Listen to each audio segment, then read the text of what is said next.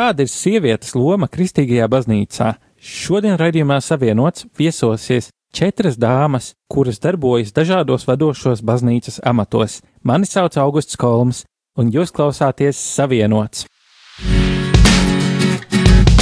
Esi savienots ar mums, Radio Marija raidījumā Savienots. Raidījums sadarbībā ar Kristīgo portālu Tuvumā.CLV. Uzklausām, vērtējam, izpētām un iesakām. Trešdienās, pulksten piecos pēcpusdienā. Esi savienots!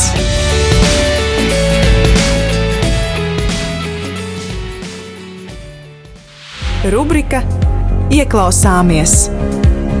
Ar tevi raidījums Savienots! Šodien raidījumā savienots viesojas Sigita Dišlere, nodibinājuma Latvijas evaņģēliska luteriskās baznīcas diekonijas centrs valdes priekšsēdētāja. Labdien! Bīskapa Jāna Jēruma Grīnberga, Anglikāņu baznīcas svētā pestītāja draudzes Rīgā mācītāja. Labdien, no manis arī! Gunta Ziemele, Vidzemes katoļu jauniešu centra vadītāja, kalpo sievietēm iekšējās dziedināšanas programmā dzimtas sakņu un attiecību dziedināšana. Jā, mīļie, es laikam teikšu, kā svētais Pāvils saka, es jūs sveicinu ar svēto skūpstu. Un virsleitnante Estere Pumpura, evaņģēliste un militārās policijas vadības grupas kapelāne. Labdien visiem! Vispirms pastāstīt par savu darbību un kalpošanu baznīcā. Nu jau gandrīz trīs gadus es strādāju Latvijas evaņģēliskās luteriskās baznīcas diakonijas centrā. Tā ir vienlaikus arī mana kalpošana, un mums ir vairāki dienas centri, mums ir arī zupas virtuve un arī dažādi citi projekti, kuros mēs darbojamies. Bet uh, mana kalpošana, kas tiešām ir tikai un vienīgi kalpošana, ir Rīgas vecās svētās ģertrūdas draudzē, kur es daru diezgan daudz dažādas lietas, piemēram, vadu arī kursu brīvība Kristū, esmu arī draudzes padome, atbildu par kafejnīcu un vēl dažādām citām lietām. Man savukārt ir ļoti liels prieks klausītājs uzrunāt citādā formātā, jo parasti es vadu kādu raidījumu, un šobrīd priecājos, ka var padalīties par uh, savu kalpojumu, esot citā amplitūnā. Mans aicinājums, kā Dievs ir izvērtis, ir uh, vispirms Vidzemes katoļu jauniešu centrs, ko nodibinājām jau 2011. gadā, un uh, tur mēs gatavojam jauniešiem gan dažādas rekolekcijas, seminārus, jauniešu dienas, un viens no tādiem ļoti svarīgiem blokiem, uz ko mēs specializējamies, ir līderu skola un līderības seminārs. Sešus gadus jau darbojāmies, vienu gadu paņēmām brīvu, un šobrīd esam radīšanas procesā, lai sāktu šo līderības semināru tādā jaunā veidā un sagatavojam jauniešus, kuri var kalpot draudzēs. Un, protams, ka pamati tiek iegūti jebkuram, jā, pat ja mēs nedarbojamies baznīcas ietveros, jā, tie ir tādas vadības pamata principi no dažādām pusēm, no dažādiem skatījumiem tiek aplūkoti gan psiholoģiskais, gan kristīgais skatījums, līderība, visās tās izpausmēs, ko, ko vien mēs varam iedomāties, kas varētu būt vadītājiem vajadzīgs. Un tā otra kalpošana, ko es patiesībā gribētu, kā tādu manu vienu no svarīgākajiem un būtiskajiem manas dzīves darbiem, ietvariem, izvērst, tā ir kalpošana cilvēkiem, īpaši sievietēm, iekšējās dziedināšanas programmā, tad, tad dzīvības straumi ietveros dzimtes sakņu un attiecību dziedināšanā, kalpoju sievietēm grupās, arī kopā ar citiem vadam lekcijas, un tad vadam mazās grupas, lūdzam par cilvēkiem, aizlūdzam, lūdzam svēto garu, lai atklāja dažādas ievainojuma problēmas, mūsu reakciju traumu saknes, kāpēc eh, mēs šodien reaģējam tā, kā mēs reaģējam, kāpēc mēs tādas izvēles pieņemam kā cilvēki, kā sievietes šodien, jo zinām, ka tas posms gan mātes miesā, gan līdz tiem trim gadiem ir ļoti, ļoti būtisks, jā, ka tas ir mūsu ģimenēs praktiski veidojies tā spēja uztvert sevi gan kā sievieti, gan uh, uztvert arī pretējo dzimumu, kā mm, tādā veidā, kā Dievs viņu ir radījis un vēlējies redzēt. Man kalpošana ir būtībā tāda no vienas puses ļoti tradicionāla. Es esmu vienkārši draudzes mācītāja, kalpoju Anglikāņu baznīcā šeit Rīgā kā mācītāja, bet no otras puses, protams, tas ir mazliet netradicionāli. Divu iemeslu dēļ. Pirmkārt, es neesmu anglikāns, es esmu luterānis, bet starptautiski līguma ietvaros tas ir iespējams luterānim kalpot anglikāņu baznīcā kā mācītājai. Un otrkārt, protams, ir tas, ka sieviete mācītāja tas ir kaut kas tomēr Latvijā šobrīd diezgan neparasts, un līdz ar to varbūt tas ir netradicionāli. Bet blakus tam arī ir citas kalpošanas, kas dabiski izveidojas, jo, lai gan mācītāja darbs it kā ir, nu, visi jau saprot, ko dara mācītājs. Mācītājs gatavo dievkalpojums, raksts sprediķus, pieņem cilvēkus uz pārunām un tā tālāk. Bet būtībā katra mācītāja darbs jau izveidojās atšķirīgi. Tas atkarīgs no mācītāja rakstura, no tā, kas dotajai draudzēji ir vajadzīgs. Un mums tieši anglikāņos viena specifika ir tāda, ka mums ir ļoti aktīva zupas virtuve, kas ir, es domāju, ļoti būtiski. Un arī tas, ka mēs, tāpēc, ka mēs stāvam ārpus ļoti lielā mērā Latvijas baznīcu lielajām struktūrām, tad mēs esam tāda neitrāla zona. Un līdz ar to mūsu draudz ir ļoti starptautiska, ļoti dažāda. Pie mums nāk gan, protams, angļu un amerikāņu un austrāliešu un tā tālāk, bet arī daudz gan latviešu cilvēku, gan krievu cilvēku, kas varbūt neatrod tradicionālajās baznīcās sev vietu, kur viņi jūtās pavisam ērti un kur viņi var sev baznīcas mājas atrast. Tā kā tas ir arī tāds zināms izlīdzināšanas un samierināšanas darbs, ko mēs veicam.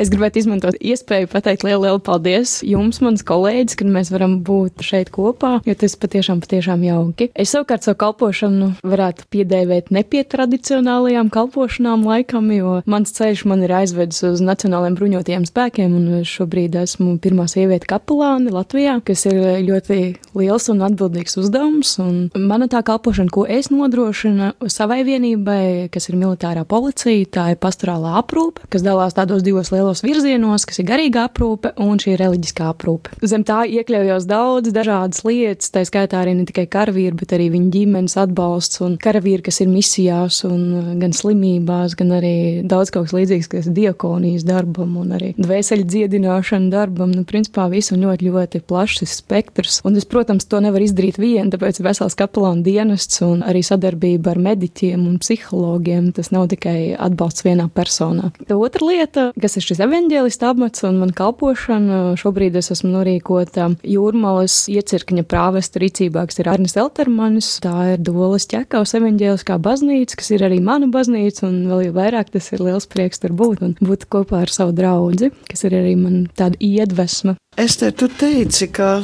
tev ietilpst tavos darba pienākumos gan garīgā, gan reliģiskā aprūpe. Kā tu šīs divas lietas dali? Kā, kāda ir atšķirība starp šīm divām aprūpēm?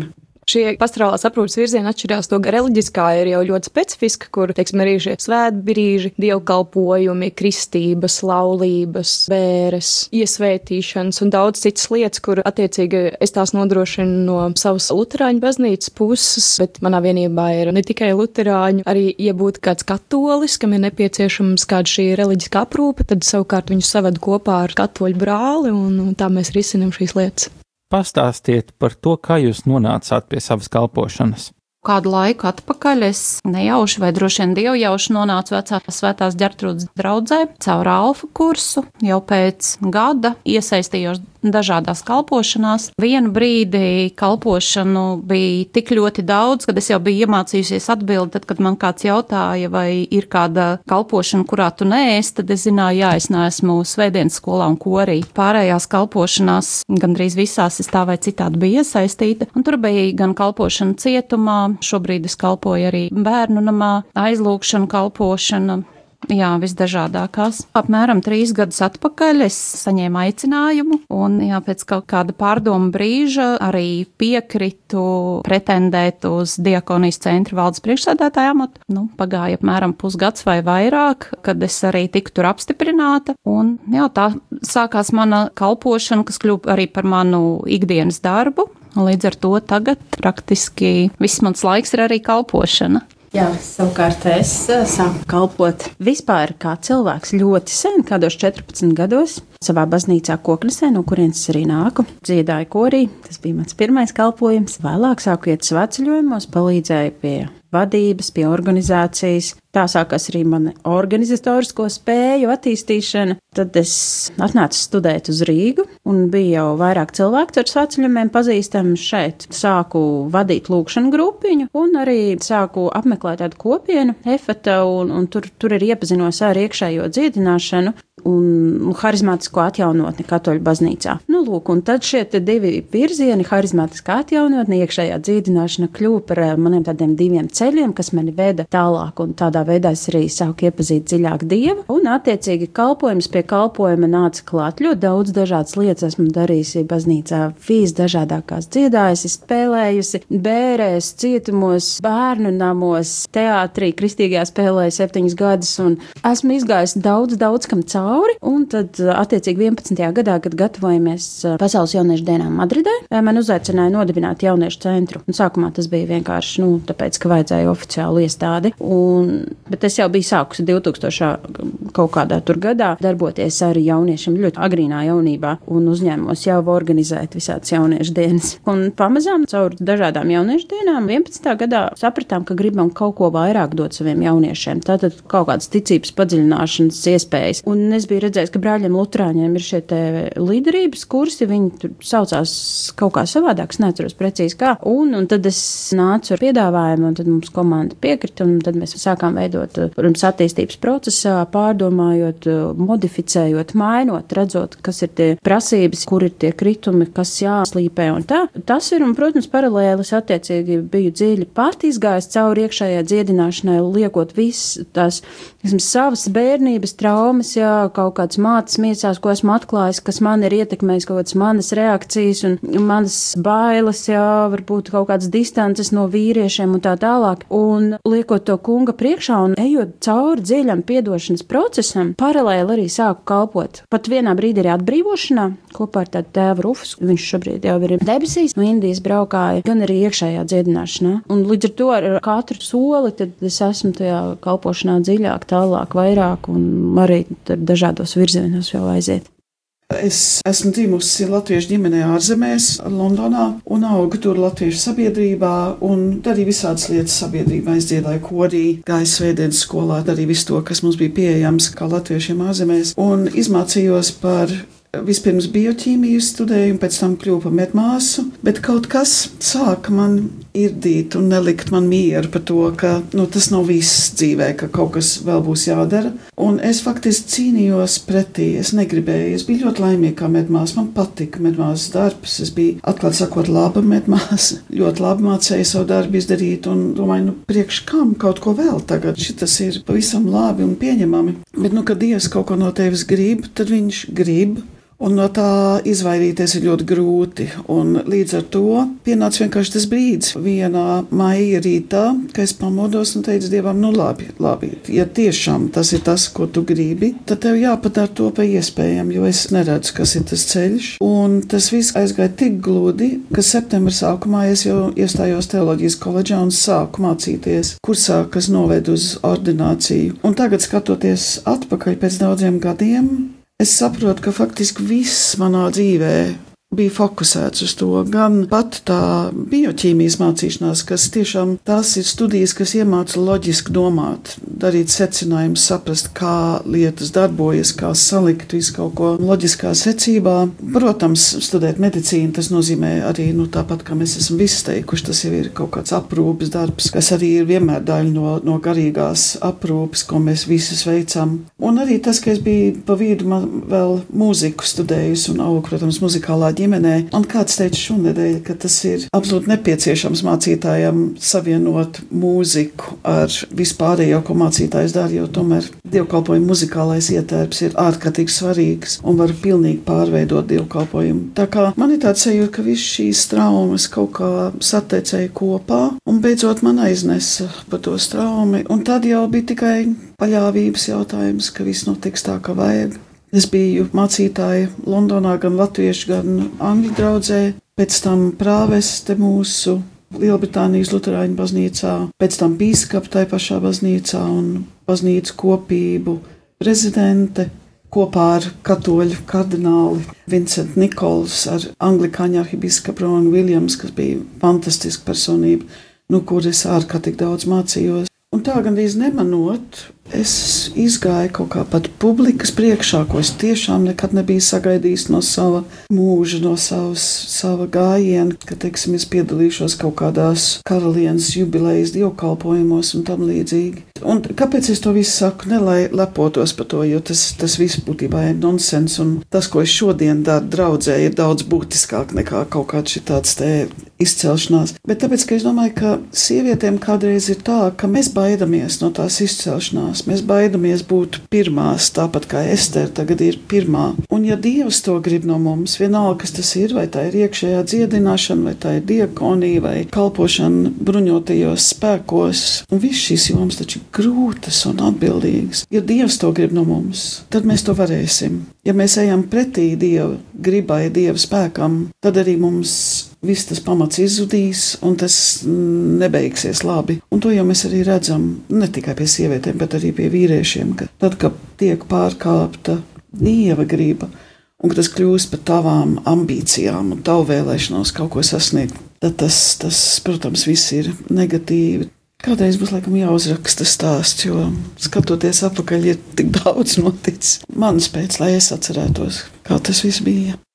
Jā, ārkārtīgi skaisti klausīties šo stāstu, kā, kā jūs esat kļuvuši vai ienākuši tuvāk savai kalpošanai, vai iepazinušās ar savu kalpošanu patiesībā. Un es arī tā domāju, kas būtu tas svarīgākais, ko man vajadzētu pateikt, jo es piekrītu Jānai, ka viņa teica, ka visas tās traumas kaut kur tek, un tad viņas sajiet vienā tādā. Un es arī teiktu, man bija ļoti, ļoti līdzīgi, jo tas, ko es esmu darījis pirms tam, ir bijis ļoti dažāds, ļoti radošs un ļoti košs, un tagad es saprotu, kāpēc tas viss ir bijis. Un tad, kad to, to saproti, tā ir tā tāda um, neizsakāma sajūta. Un tad, zini, jā, tagad es esmu tur, kur man jābūt, un es, es daru to, kas man ir jādara. Līdz tam es īsti nezināju, kas man būs jādara. Bet es jūtu, ka es eju pareizo ceļu, un es atminos kādu dienu tādu sajūtu, reizē vīziju, tas bija Usmā, Usmas baznīcā pie tagad kapelāna Uģa Brūklenes, viņš tur vadīja dievkalpojumu, un tad mums bija katram uzdevums par konkrētu raksturvietu, iet ārā un par viņu apcerēt un domāt, kas tas ir mums, un es arī sēdēju, un es tā ļāvošu šīm domām, un, un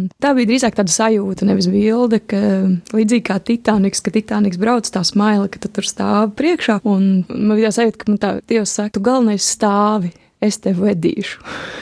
un, un no tās dienas tas, tas tā arī bijis. Lai arī kas neklausies, kas notiek apkārt, tu galvenais stāvi un turi savu mugurkaulu un viss būs labi. Pusauģis gados nebija tā, ka es gāju uz baznīcu vai kaut kā biju iesaistījusies. Tas man nāca kaut kur, man bija 20 ar kaut ko, un tad kādā brīdī arī sapratu, nu, nē, nu, kaut kam ir jābūt vairāk šajā dzīvē. Nu, tas nav viss, kas tagad notiek. Un, un kādu rītu man pašai kājas aiznesu savu ķekā uz baznīciņu, un, un no tās dienas tā arī bija. Es arī iesaistījos dažādās kalpošanās, jo draudz nav liela, un tad, nu, tur, kur to visvairāk vajadzēja, tur es arī biju. Bet, protams, tas tāds, ko man pēc tam uzticēja vairāk, tie ir tie organizatoriskie darbi ar kultūru saistītie, arī viena no lietām, ko es darīju arī ir teātris režija, un arī modes un apģērba modulēšana un konstruēšana un šīs lietas, un, un tad arī bija šīs organizatoriskās lietas vai kaut kāds vizuālais, tās bija manas, kas man arī ļoti patika. Bet tad kādu dienu sapratu, ka tu galvenais stāv un es tev vedīšu, kad ir jādodas tālāk, un es sapratu, ir jāiet studēt. Vienkārši ar visām tām radošajām jomām, kurās es darbojos, es sev pašmācības ceļā neatrastu laiku. Tad es sapratu, ir krasi jāmaina, tad es to visu noku malā un aizgāju studēt klātienē.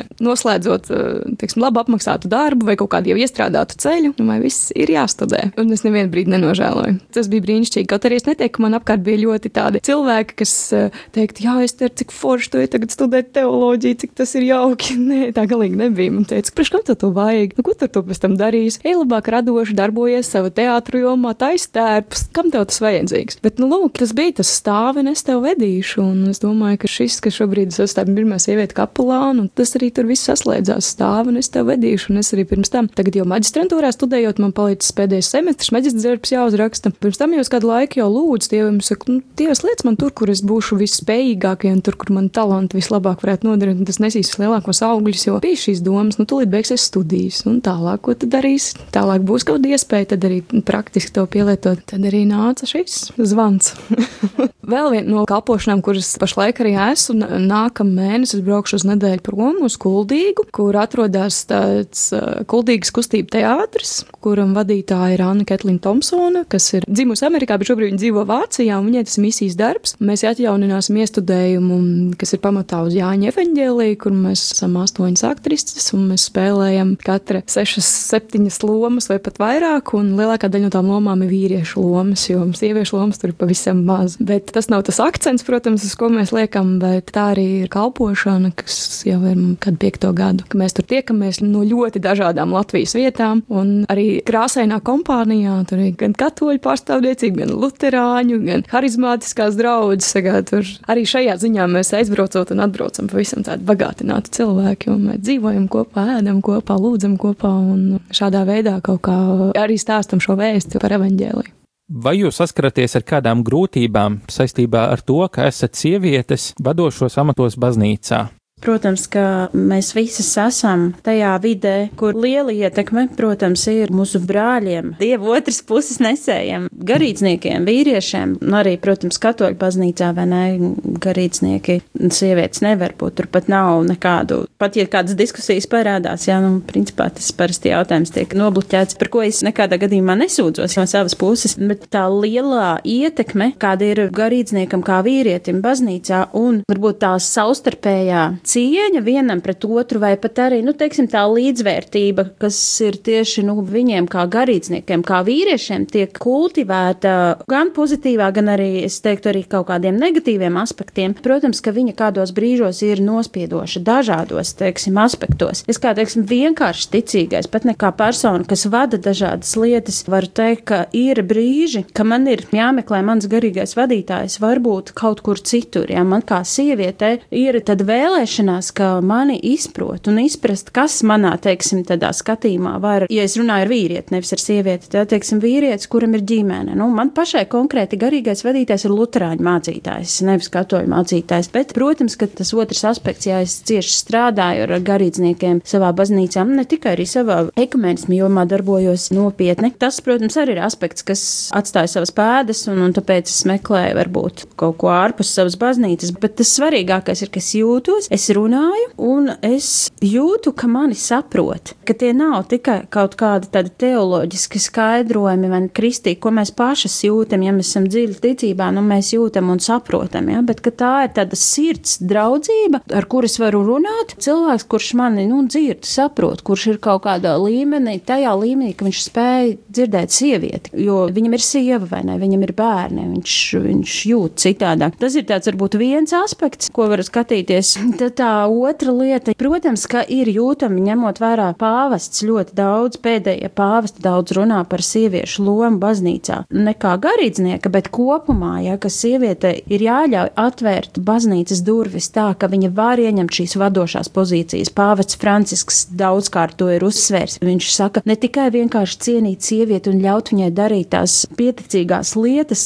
kas ir baznīcā novadīt tur kaut kādas nodarbības, sakārtot ziedus, uzņemt viesus, parunāties ne tikai, jā, bet, nu, tādas nopietnas lomas. Viņš saka, ļaut ietekmēt sievietei to vidi. Un tas ir tas, ko mēs jūtam, ka kaut kas lēnām, teiksim, notiek, jo tas tā vēsts vismaz tādā mūsu baznīcas vidē viņa parādās, bet reizē ir jūtami, ka tie groži tiek pievilkti, un tad ir tā, nu, tā sajūta, ka nav līdz galam uzticības sievietei kā tādai. Jo es redzu, teiksim, man ir apkārt sievietes, ļoti gudras sievietes, katolas, jā, nu, tur mēs grozam mēs tur kaut kur varbūt paaugšām mums sanāk runāt. Ļoti loģiskas domas, bet ļoti daudz, kur tomēr tās domas netiek ņemtas vērā. Un šeit gribas uzreiz pieminēt, ka netiek novērtēta tās, netiek ieraudzīts. Varbūt nav atrasti veidi, mehānismi, instrumenti, kā ieraudzīt. Pirmkārt, jau droši vien sievietē pašai, kas ir tā viņas spēja, kā viņai būt karotājai, jebkurā līmenī būt karotājai ar sievietes sirdi. Un otrkārt, ja mēs pašas sievietes sievietes, jā, mums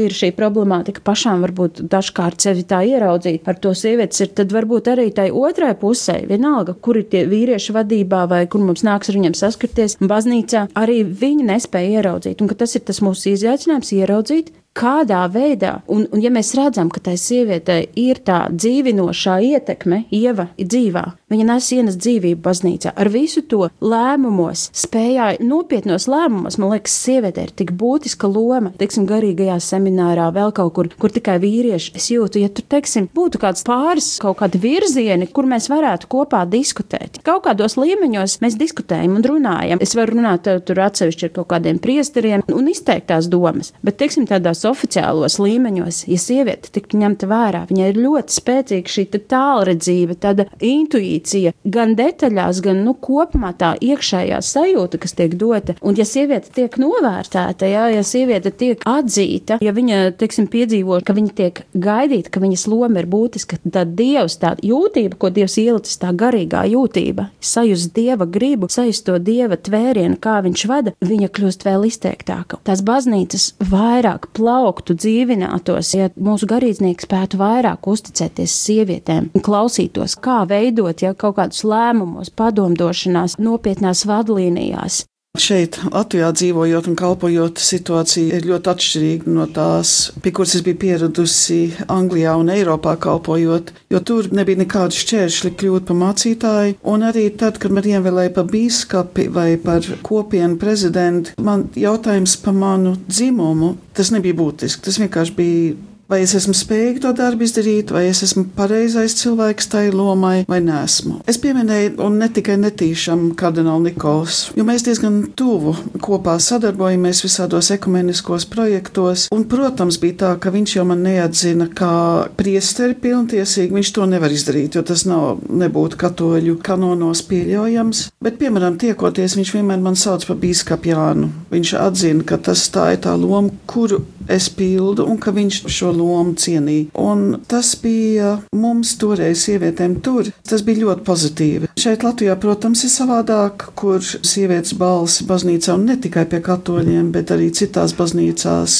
ir varbūt grūtāk sadzirdēt. Viens piemērs bija tāds, tad, kad Lēl bija diskusijas par to, vai virzīt uz sinodi lēmumu par to, ka izslēdz iespēju sievietēm ordinēties. Mācītājs sapulcē gan bija aicināts evaņģēlistis, bet viņas nedrīkstēja runāt šajā sapulcē. Tā tad notika sapulce par sieviešu ordināciju vai neordināciju, kur vienīgā sieviešu balss, kuru dzirdēju, bija mana, jo man bija iespēja lasīt īsu referātu par to, aizstāvot ir kā sieviešu ordinācija. Bet baznīca pieņēma šo lēmumu, neuzklausot nevienu sieviešu balsi. Un man tas izlikās ļoti īpatni. Un tas ir tas, ko tu saki, Gunta. Es domāju, ka vai runā par ordināciju vai nē, ordinācija ir tikai viens jautājums, bet jautājums ir, kā sievietes var pildīt savu lomu baznīcā, kā var viņu balsi sadzirdēt, kā viņas var būt daļa no lemšanas procesiem, kā viņas var savas īpašās dāvanas baznīcai piedāvāt pilnvērtīgi.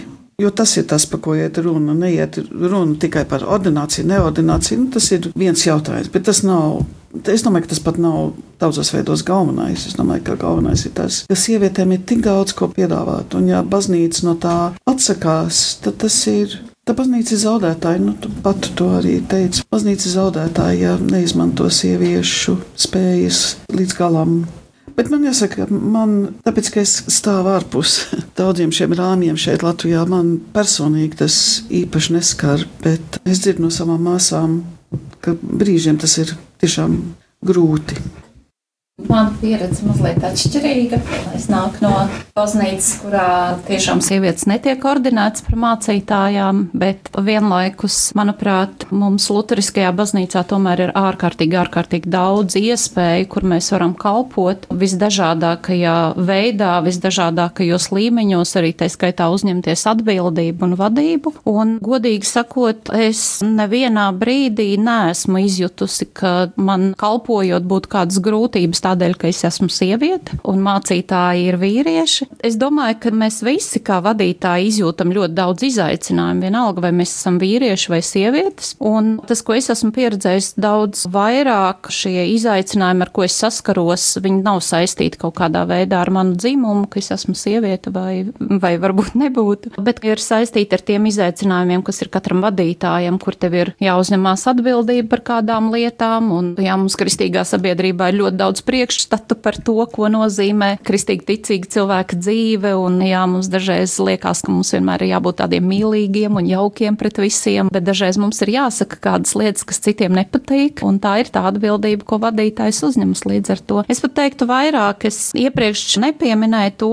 bet pirms es kļuvu par diakonijas centru vadītājs, daudz, daudz gadus strādāju kā ģeotehnikas inženieris, vidas konsultants un arī nodaļas vadītājs un arī valdes locekli tādā inženieru konsultantu uzņēmumā, un arī tur pārsvarā tie bija vīrieši, ar ko es strādāju kopā, un arī tur es nekādā ziņā neizjūtu, ka es kā sieviete nevarētu darīt kādas lietas. Līdzīgi arī tagad, esot baznīcā, es to nekādā veidā neizjūtu. Man personīgi ir ļoti svarīgi, ka aiz manis stāv nozars vadītājs, kas ir mācītājs, aiz manis stāv bīskaps, kas ir atbildīgs par diakonijas nozari, un ja man ir vajadzīgs, tad es tomēr griežos pie viņa un jautāju, Es eh, gribu piebilst, teiksim, tās nianses, par ko es minēju, tās tiešām ir tās nianses, tā ūdens kustība, ko, teiksim, es skatos un jūtu kaut kādā citā līmenī, ko, protams, mums arī ir iespējas. Protams, mūsu baznīcā sievietēm ir iespējas, daudz iespējas, kā mēs varam izpausties, ja, un, un sievietes arī to dara ļoti veiksmīgi. Ja man draudzene šobrīd ir kļūst par informācijas centra vadītāju, teiksim, bīskaps lūdz izvērtēt viņa kaut kādus uzrunas televīzijā, ja, un tad viņa ar savu kritisko viedokli ka tur saka šeit varbūt tā, tur citādāk un tā. Tāpat arī mm, katoļu baznīcas vēstnes arī redaktori ir sieviete. Nu, ir mums ir šīs te lomas, par to nav runa. Drīzāk tiešām par to spēju sajust, ko sieviete var iedot. Tas ir tas, ja? Tādā jau daudz smalkākā līmenī, tādā netveramākā ļaut sievietei ienākt. Un tā, tas ir tas izaicinājums, un tie ir, man liekas, tie bloki, ko mēs katrs nesam. Jā. Jā, tur kāpēc ne, tur prāta, tur tādas lielas pozīcijas kaut kādas nav problēma. Bet tiešām tās smalkās niansēs sajust, ah, šeit, šeit kaut kas nestrādā, ok, labi, ko mēs te varam darīt, jā, šeit, šeit es kaut ko jūtu pret, tā kā, nu, teiksim, nezinu, attiecībā pret vīriešu dzimumu vai pret garīdznieku, ah, kaut kas nav tad kārtībā, jā, teiksim, ko es varu darīt šeit. Nu, arī otrādāk jāapgriežot, jā, bet, nu, tas tāds bišķiņ cits līmenis, ko es biju domājis. Tā. Ļoti labi, teici par to ļauti ienākt. Un manā kontekstā tas noteikti būtu bruņoties spēkā kapelāna dienas, tās, kas bija tīri vīriešu pārstāvniecība, tad viņi arī ļāva tam notikt un ļāva ienākt. Jo saprotu, tas impulss ir bijis arī no kādas citas valsts komandieru, kurš bija teicis, kas jums tur Latvijā notiek, kāpēc jums vēl no sievietes kapelāns. un tad virskapelāns Elmārs Paļā viņš bija teicis, ok, būs. Viņš ir apbrīnojami. Es redzēju Facebookā tevi. Tur arī tevi pirmo reizi iepazinu bilde, kad mums pirmā kapelāna sieviete. Paldies! Prieks, jā, pateicam Dievam. Un Es tā klausoties, saklausīju to, ka tev ir tad, daudz, ja tā var teikt, klienti par to dzimtas dziedināšanu. Tur baznīcas ziņā ir šie aizspriedumi pret lietām, ka ir grūti ielaist, ir grūti uzticēties, ir grūti ļaut sievietei izdarīt kaut kāds atbildīgs lēmums, vai ne? Un tad varbūt tur arī tavā kalpošanā slēpjas atbildi. Tas tas notiek, un to mēs redzam. Mm. Tie vīrieši, arī sievietes, apusē, ja, kur iziet šis, š, šīs programmas, reizēm tas prasa vairāk kārt iziet. Tas ir atkarīgs jau no tā, ko tie cilvēki tur piedzīvojuši tajās savās dzīvēs. Un, ziniet, tā cieņa tiešām ceļas. Pirmkārt, jau pret sevi. Tad, kad tu sevi sāc cienīt, tu sāc just un redzēt un cienīt to otru vienalga, vai tas būs vīrietis tev pretī vai sieviete. Un to mēs redzam, ko tās traumas, jau ko tās mūsu programmas, ko Dievs izdara caur šo traumu programmu mehānismu. Esteri, tu minēji šo uzvedumu pēc Jāņa evaņģēlī motīviem, kur dažādās lomas atveido sievietes. Arī man ir bijis prieks to pirms dažiem gadiem noskatīties. Tas, starp citu, bija Anglikāņu svētā pestītāja baznīcā tepat Rīgā. Šī ideja noteikti varētu likties diezgan teoloģiski, sacīsim, provokatīva. Kā tu nomierinātu kristiešus, kuri uztraucas, ka dažādās vīriešu lomas, tostarp arī Jēzus lomu, atveido sievietes? Kā jau teicu, mēs nelikām uzsvaru uz to, ka mēs, nu, sievietes tagad mēs spēlēsim vīriešu lomas. Tīri praktiski ņemot, mūsu teātra grupā nebija to vīriešu arī. Ja viņi būtu bijuši, tad viņiem noteikti arī tikt pie šiem lomām. Un tad mums bija šis jautājums, vai mēs iestudējam šo darbu un mēs spēlējam, vai nu mēs viņu neiestudējam. Un mēs sapratām, ka ir tas jādara. Nu, pirmkārt, režisori teica, mēs to darīsim. Un, ja, protams, kāds ir pret to, tad var neņemt dalību tīri šī iemesla dēļ. Bet tad mēs sēdējam, runājam, un mēs neuzsveram to, ka mēs spēlējam vīriešu lomas, bet mēs stāstam stāstu. Un tur vairs nav svarīgs kaut kāda dzimuma. Mēs stāstam stāstu, un mēs šo vēsti nesam. Pēc maza mirkļa turpināsim iesākto sarunu.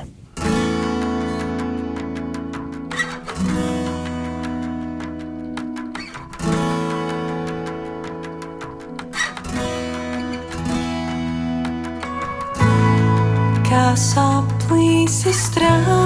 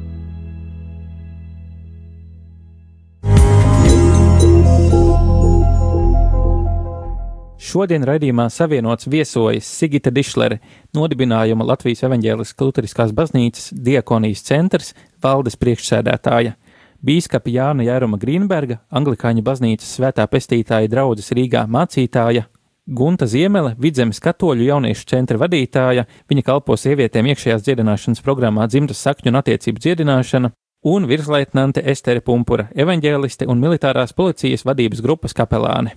Es gribētu šajā brīdī pievērsties tam jautājumam, kur jau aizsāka Gunta par to, kas ir tas, ko sieviete var dot baznīcai, un varbūt tas, ko tikai sieviete var dot baznīcai. Es gan domāju, ka tas nebūtu tā nodalāms, ko tikai sieviete var dot baznīcai, vai ko tikai vīrietis var dot baznīcai. Es domāju, ko mēs visi kopā varam dot baznīcai, un ko baznīca var dot mums, un vai mēs veidojam šo baznīcu.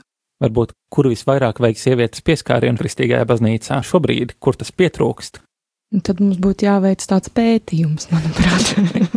To jau ļoti labi var arī redzēt. Es gribēju mazliet iebilst, Esterēt, noteikti neesmu vienīgā kapelāna sieviete bruņotajos spēkos, noteikti, ka jā, bet tev ir daudz brīnišķīgas kolēģis, kas ir kapelāns slimnīcās un cietumos un tā. Bet um, man liekas, ka to jau arī ļoti labi var redzēt, kur ir tās vietas, kur arī šobrīd visvairāk mēs redzam, ka kalpo sievietes. Tās ir tās pašas slimnīcas, tie ir dažāda veida aprūpas iestādes. Es domāju, ka arī kaut vai tajās pašās dzīvības traumēs, manuprāt, manuprāt, arī ir diezgan liels īpatsvars kalpotāju sieviešu. Tāpat alfa kursā liels īpatsvars ir kalpotāju sieviešu, tāpat arī dažādās līdzgaitniecības kalpošanās, pastorālā aprūpe. Visur ir ārkārtīgi liels sieviešu īpatsvars. Arī lūkšana kalpošanā, manuprāt, mēs redzēsim, ka ir daudz, daudz vairāk sievietes. Un, manuprāt, žēlsirdības darbs ir tā vieta, kur sieviete ir savā vietā, Nu, noteikti nesakot, ka vīrietim tur nav jābūt, vīrietim arī tur uh, ir pietiekami daudz ko darīt, bet ir tik daudz vietas, kur patiesībā sieviete ar to, kas ir viņai, var iedot, iedot daudz, daudz vairāk, un, un arī baznīca kaut kādā ziņā caur to ir daudz redzamāka cilvēkiem ārpus baznīcas caur šādu sievietes kalpošanu. Manuprāt, sievietei tiešām ir dots. Varbūt liekot malā to, ja viņa tieši tajā jomā var būt ievainota, kā sieviete, ja? drosme, Sieviete ir cīnītāja. Tāda mīlestības cīnītāja, drosme, ja mēs atceramies Esteri no Bībeles, vai ne? Mums patīk šī sieviete. Man patīk. Viņa izglāba savu tautu no genocīda. Reāli, nu, var teikt, viņa izglāba pasauli, viņa izglāba Izraēlu. Žana Dārka, kur cīnījās. Viņam ir uz sārta, vai, teiksim, Rāhaba, kura palīdzēja ebreju sekmīgajai militārajai misijai Izrēlā apsolītajā zemē tāds jautājums, jā, vīriešiem ir ļoti daudz šīs virzības dotas, nopietni šie virzieni uzticēti. Kas ir bijušas? Viņu radītājs, jā, nu, radītājs mums ir viens, protams, tas ir mūsu tēvs debesīs, bet mātes dzemdībām ir vajadzīga drosme, nest, iznest, jā. Kas mūzu pasargāja, faraona meita un tā tālāk, vai arī kad Pāvils sludināja evaņģēlīju pēc jēzus augšām celšanās, tad parasti, kā sauc to sievieti, Lidija, jā, pie kuras visus veda pulcināja šajā mājā, vai ne, kuras pie sevis slēpa visus. Tur ir vajadzīga drosme. Tad, kad mēs atceramies savas dzīves, man liekas, mēs visi esam tādas drosmīgas sievietes. Man šķiet, Liekas, ir tik daudz šie soļi, kur mēs esam spērušas, kur ir vajadzīga drosme. Un uh, es gribētu aicināt jūs un arī klausītājas atcerēties tos momentus, kad mums Dievs sirdī ir radījis vēlmi un tādu inicējis šo iedrošinājumu, kas ir vajadzīgs vīrietim, garīdzniekam, priesterim, mācītājam. Tiem vīriešiem, kas mums ir mājās, vīriem, brāļiem, tētiem, vecstāviem, iedrošināt šo vārdu, dot motivāciju, spēku. Vārds ir spēks. Varbūt vērts pieminēt, ka 7. marts ir svētās perpetuas un svētās felicitas diena. Viņš bija moceklis 3. gadsimteņa sākumā eh, Romā, kas cieta dēļ savas ticības un kas tiešām arī bija drosmīgas šī pati perpetua atsacījās aiziet prom no Kristus, aizgāja drīzāk prom no ģimenes, atstāja ģimeni, jo viņi nebija ar mieru pamest Kristu, pamest savu ticību, apzinādamās, ka viņu nonāvēs un nonāvēs ļoti briesmīgā veidā vēl pie tam. Un viņai bija tāds sapnis, kas man liekas, ka tur ir kaut kas, ko var pie šī visa pielikt vēl klāt. Viņai bija sapnis tāds, ka viņa prasīja Dievam, kas notiks ar mani, vai es miršu vai es dzīvošu. Un Dievs viņai atsūtīja sapni, kur viņa kāpa augšā pa trepēm, pa kāpnēm. Tā tādām augstām, un katrā apakšā ir, ir čūska vai pat pūķis, kaut kas tāds. Viņai jātiek garām tam pūķim, lai viņi varētu vispārīgi uzkāpt uz tām kāpnēm, un ejot augšā, katrā pusē ir kaut kādi ieroči, visādi zobeni un, un arī lemeši un tādas lietas, no kurām viņai ir jāvairās, lai tikai viņi varētu kāpt augšā pa tām kāpnēm. Un kāpņu galā viņa iet brīnišķīgā paradīzes dārzā, un ar šo sapni viņa saprot, ka nekā darīt, ka viņai jākāpj pa tām mocekļu nāves kāpnēm, bet ka viņu gaida paradīzes dārzs, tad, kad viņa būs uzkāpusi. Un tā ir tāda brīnišķīga vīzija, bet kas tiešām arī no viņas prasīja ārprātīgi drosmi atteikties no savu bērnu. Viņai bija, liekas, divu gadu vecs bērns, tas brīdī, kad viņa gāja mocekļu nāvē bet neatteikties no savas ticības. Es gribētu, ka mēs nedomājam par sievietēm tādā stereotipiskā veidā. Teiksim, jā, protams, ka sievietes ir dzemdētājas un, un tās, kas gādā pa ģimeni bieži vien, bet līdz ar to bieži vien ir tā, ka sievietes tiek novirzītas, teiksim, medmāsas es virzienā vai, teiksim, kaut kādā pastorālās aprūpes virzienā, kas nevienmēr ir tas, kas tieši tai konkrētai sievietei ir vajadzīgs. Un es gribētu tiešām, ka mēs skatāmies baznīcā un, visur uz to, ka tas ir cilvēks pirmkārt, ka mēs savas dotības. Tas varbūt ir vīrietis, kas ļoti grib vadīt bērnu dārzu. Nu, lūk, lai viņš to dara. Varbūt tā ir sieviete, kas grib būt baznīcas pērminders vai vienalga, es nezinu, vienalga kas, bet nedalīt tā pa dzimumiem. Sieviešu loma, vīriešu loma un nekā to nepārkāpt. Es domāju, ka tur arī baznīca ir zaudētāja, jo viņi neizmanto tās dotības, kas cilvēkiem ir kādreiz, tāpēc, ka tā nav attiecīgā dzimuma loma. Un reizēm cilvēku sievietei ir kādas dotības, kuras pie kā cilvēki nav pieraduši, mm -hmm. Ja, kas nav tradicionāli iekārtojušās, un tad viņas vienkārši tiek noliktas malā. Mm. Turbūt tieši nāk pretī un izcelt. Tad liksim savā draudzē, liksim savā organizācijā to, ja tam cilvēkam ir šīs dotības, spējas, Dievs devis. Es varu izstāstīt stāstu. Mums nu pat ir jauns klavieres baznīcā, mums atvērt klavieres pirmdienu brīnišķīgas, bezmaz vai uzdāvināts klavieres. Trīs zēni viņas atveda, un mūsu ķesters nav spējis atnākt laikā. Un viņam vajag ceturto cilvēku, kas cels tās baznīcas iekšā, lai mēs varētu viņu lietot dievkalpojumiem, koncertiem un tā tālāk. Mums ir sētniece sieviete, un viņi saka tiem zēniem, labi, viss kārtībā, es nākšu jums palīgā, es, es varu, es esmu stipra sieviete. Un viņi saka, nu, labi, nu dosim tev to vieglāko galu no tām klavierēm.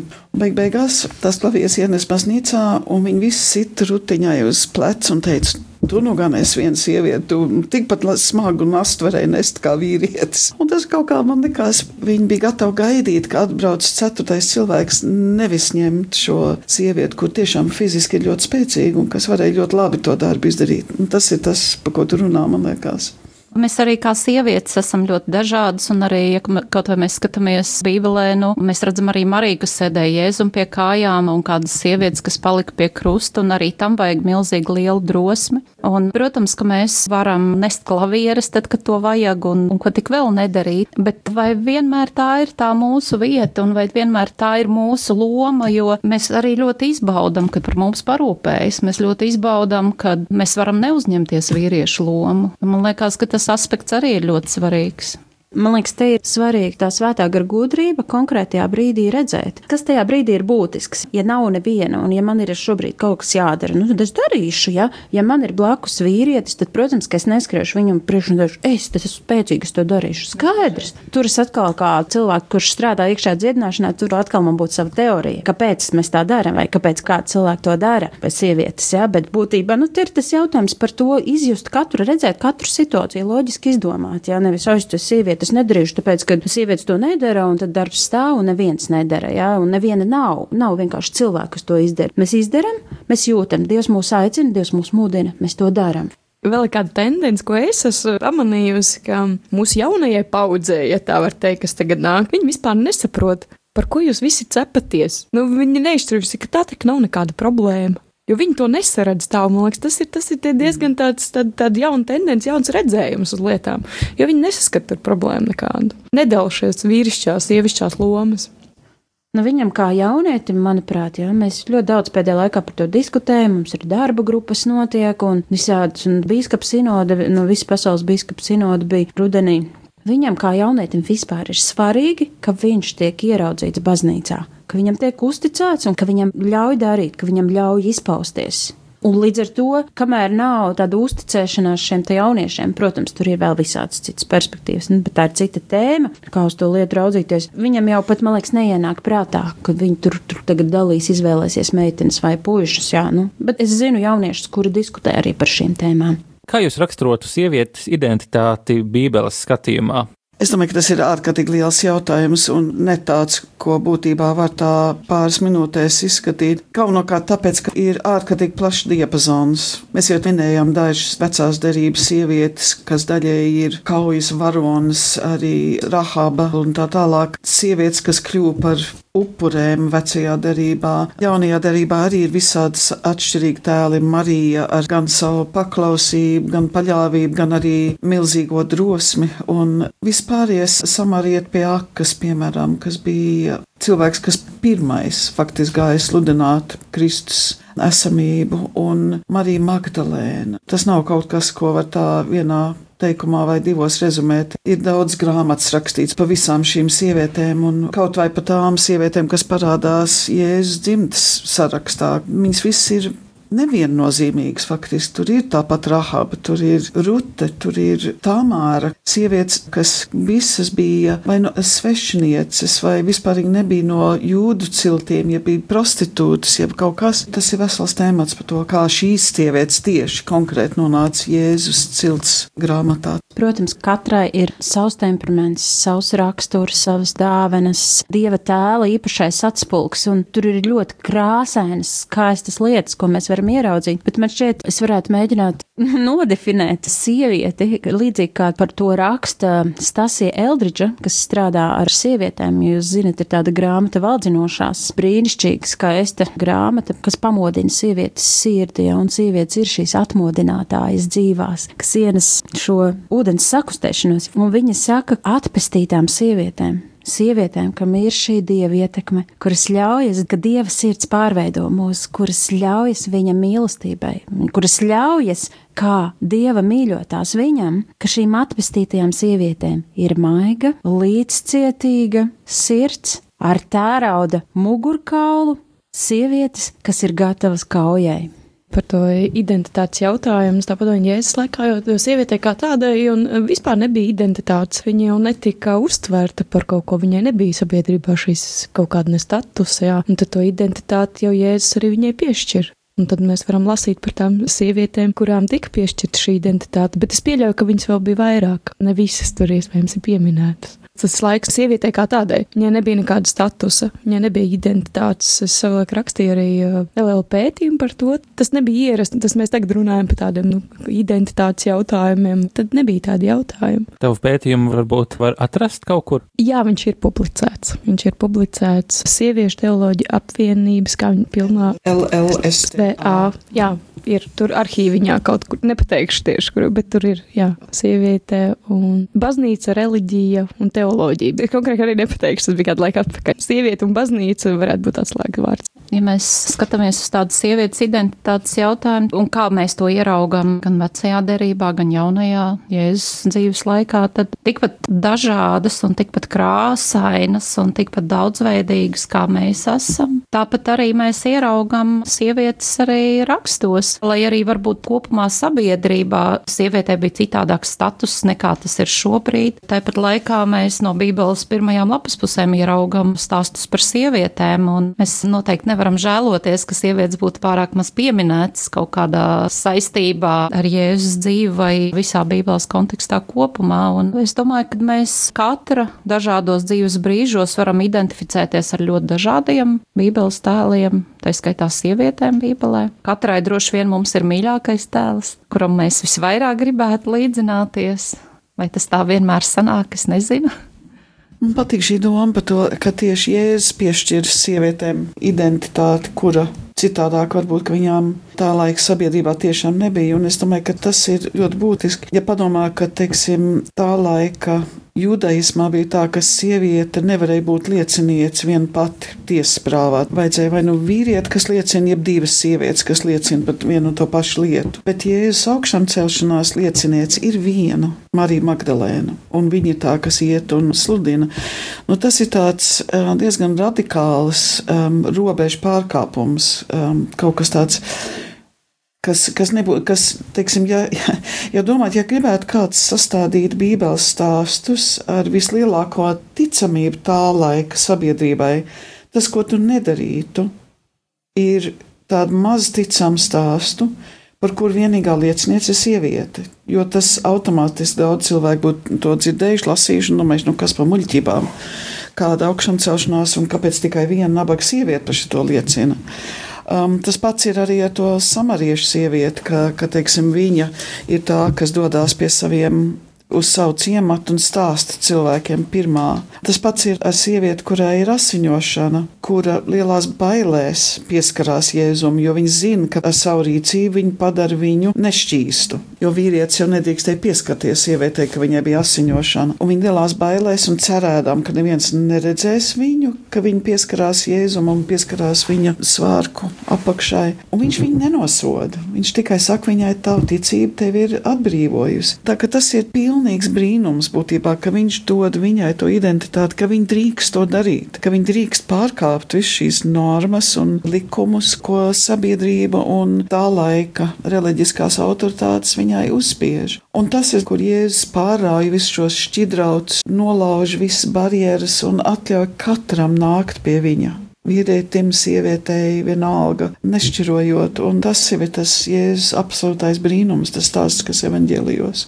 Šī Jēzus pieskaršanās, tas, ka Jēzus ievēro sievietes, runā ar viņām, atļauj viņām sēdēt viņām pie kājām, jo tā ir mācekļa poza - sēdēt Jēzum pie kājām. Viņš atļauj sievietēm to darīt. Tas ir brīnums.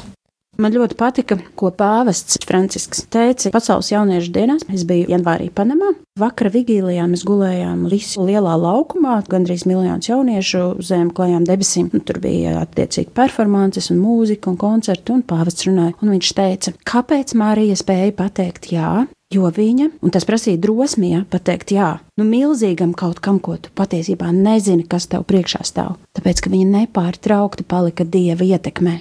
Un šī dieva ietekme ir tās attiecības ar Jēzu, ko mēs veidojam. Un, ja man ir attiecības ar Jēzu, man būs attiecības ar cilvēkiem, veidosies, un es sajutīšu caur attiecībām ar Jēzu, kurā brīdī ir mans, jā, mana kārta teikt, jā. Amen. Amen. ir jau vēl daudz, ko varētu runāt, bet mūsu laiks ir ierobežots. Paldies, ka atradāt laiku šai sarunai! Jūs klausījāties sarunu ar Sigitu Dišleri, noribinājumu Latvijas evaņģēlas kultūriskās baznīcas diakonijas centrs valdes priekšsēdētāju. Bīskapu Jānu Jārumu Grīnbergu, Anglikāņu baznīcas svētā pestītāja draudzes Rīgā mācītāju, Guntu Ziemeli Vidzemes katoļu jauniešu centra vadītāju, kura kalpo arī iekšējās dziedināšanas programmā dzimtas sakņu un attiecību dziedināšana, un virsleitnanti Esteri Pumpuru, militārās policijas vadības grupas kapelāni.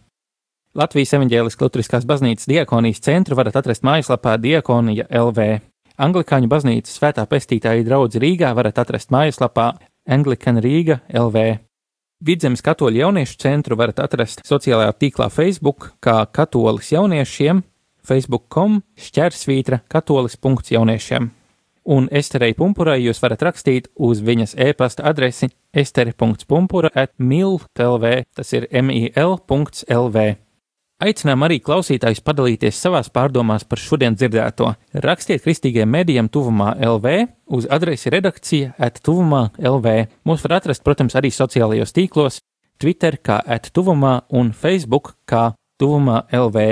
Mani sauc Augusts Kolms, jūs klausījāties raidījumu Savienots. Uz tikšanos nākamajā raidījumā jau pēc divām nedēļām.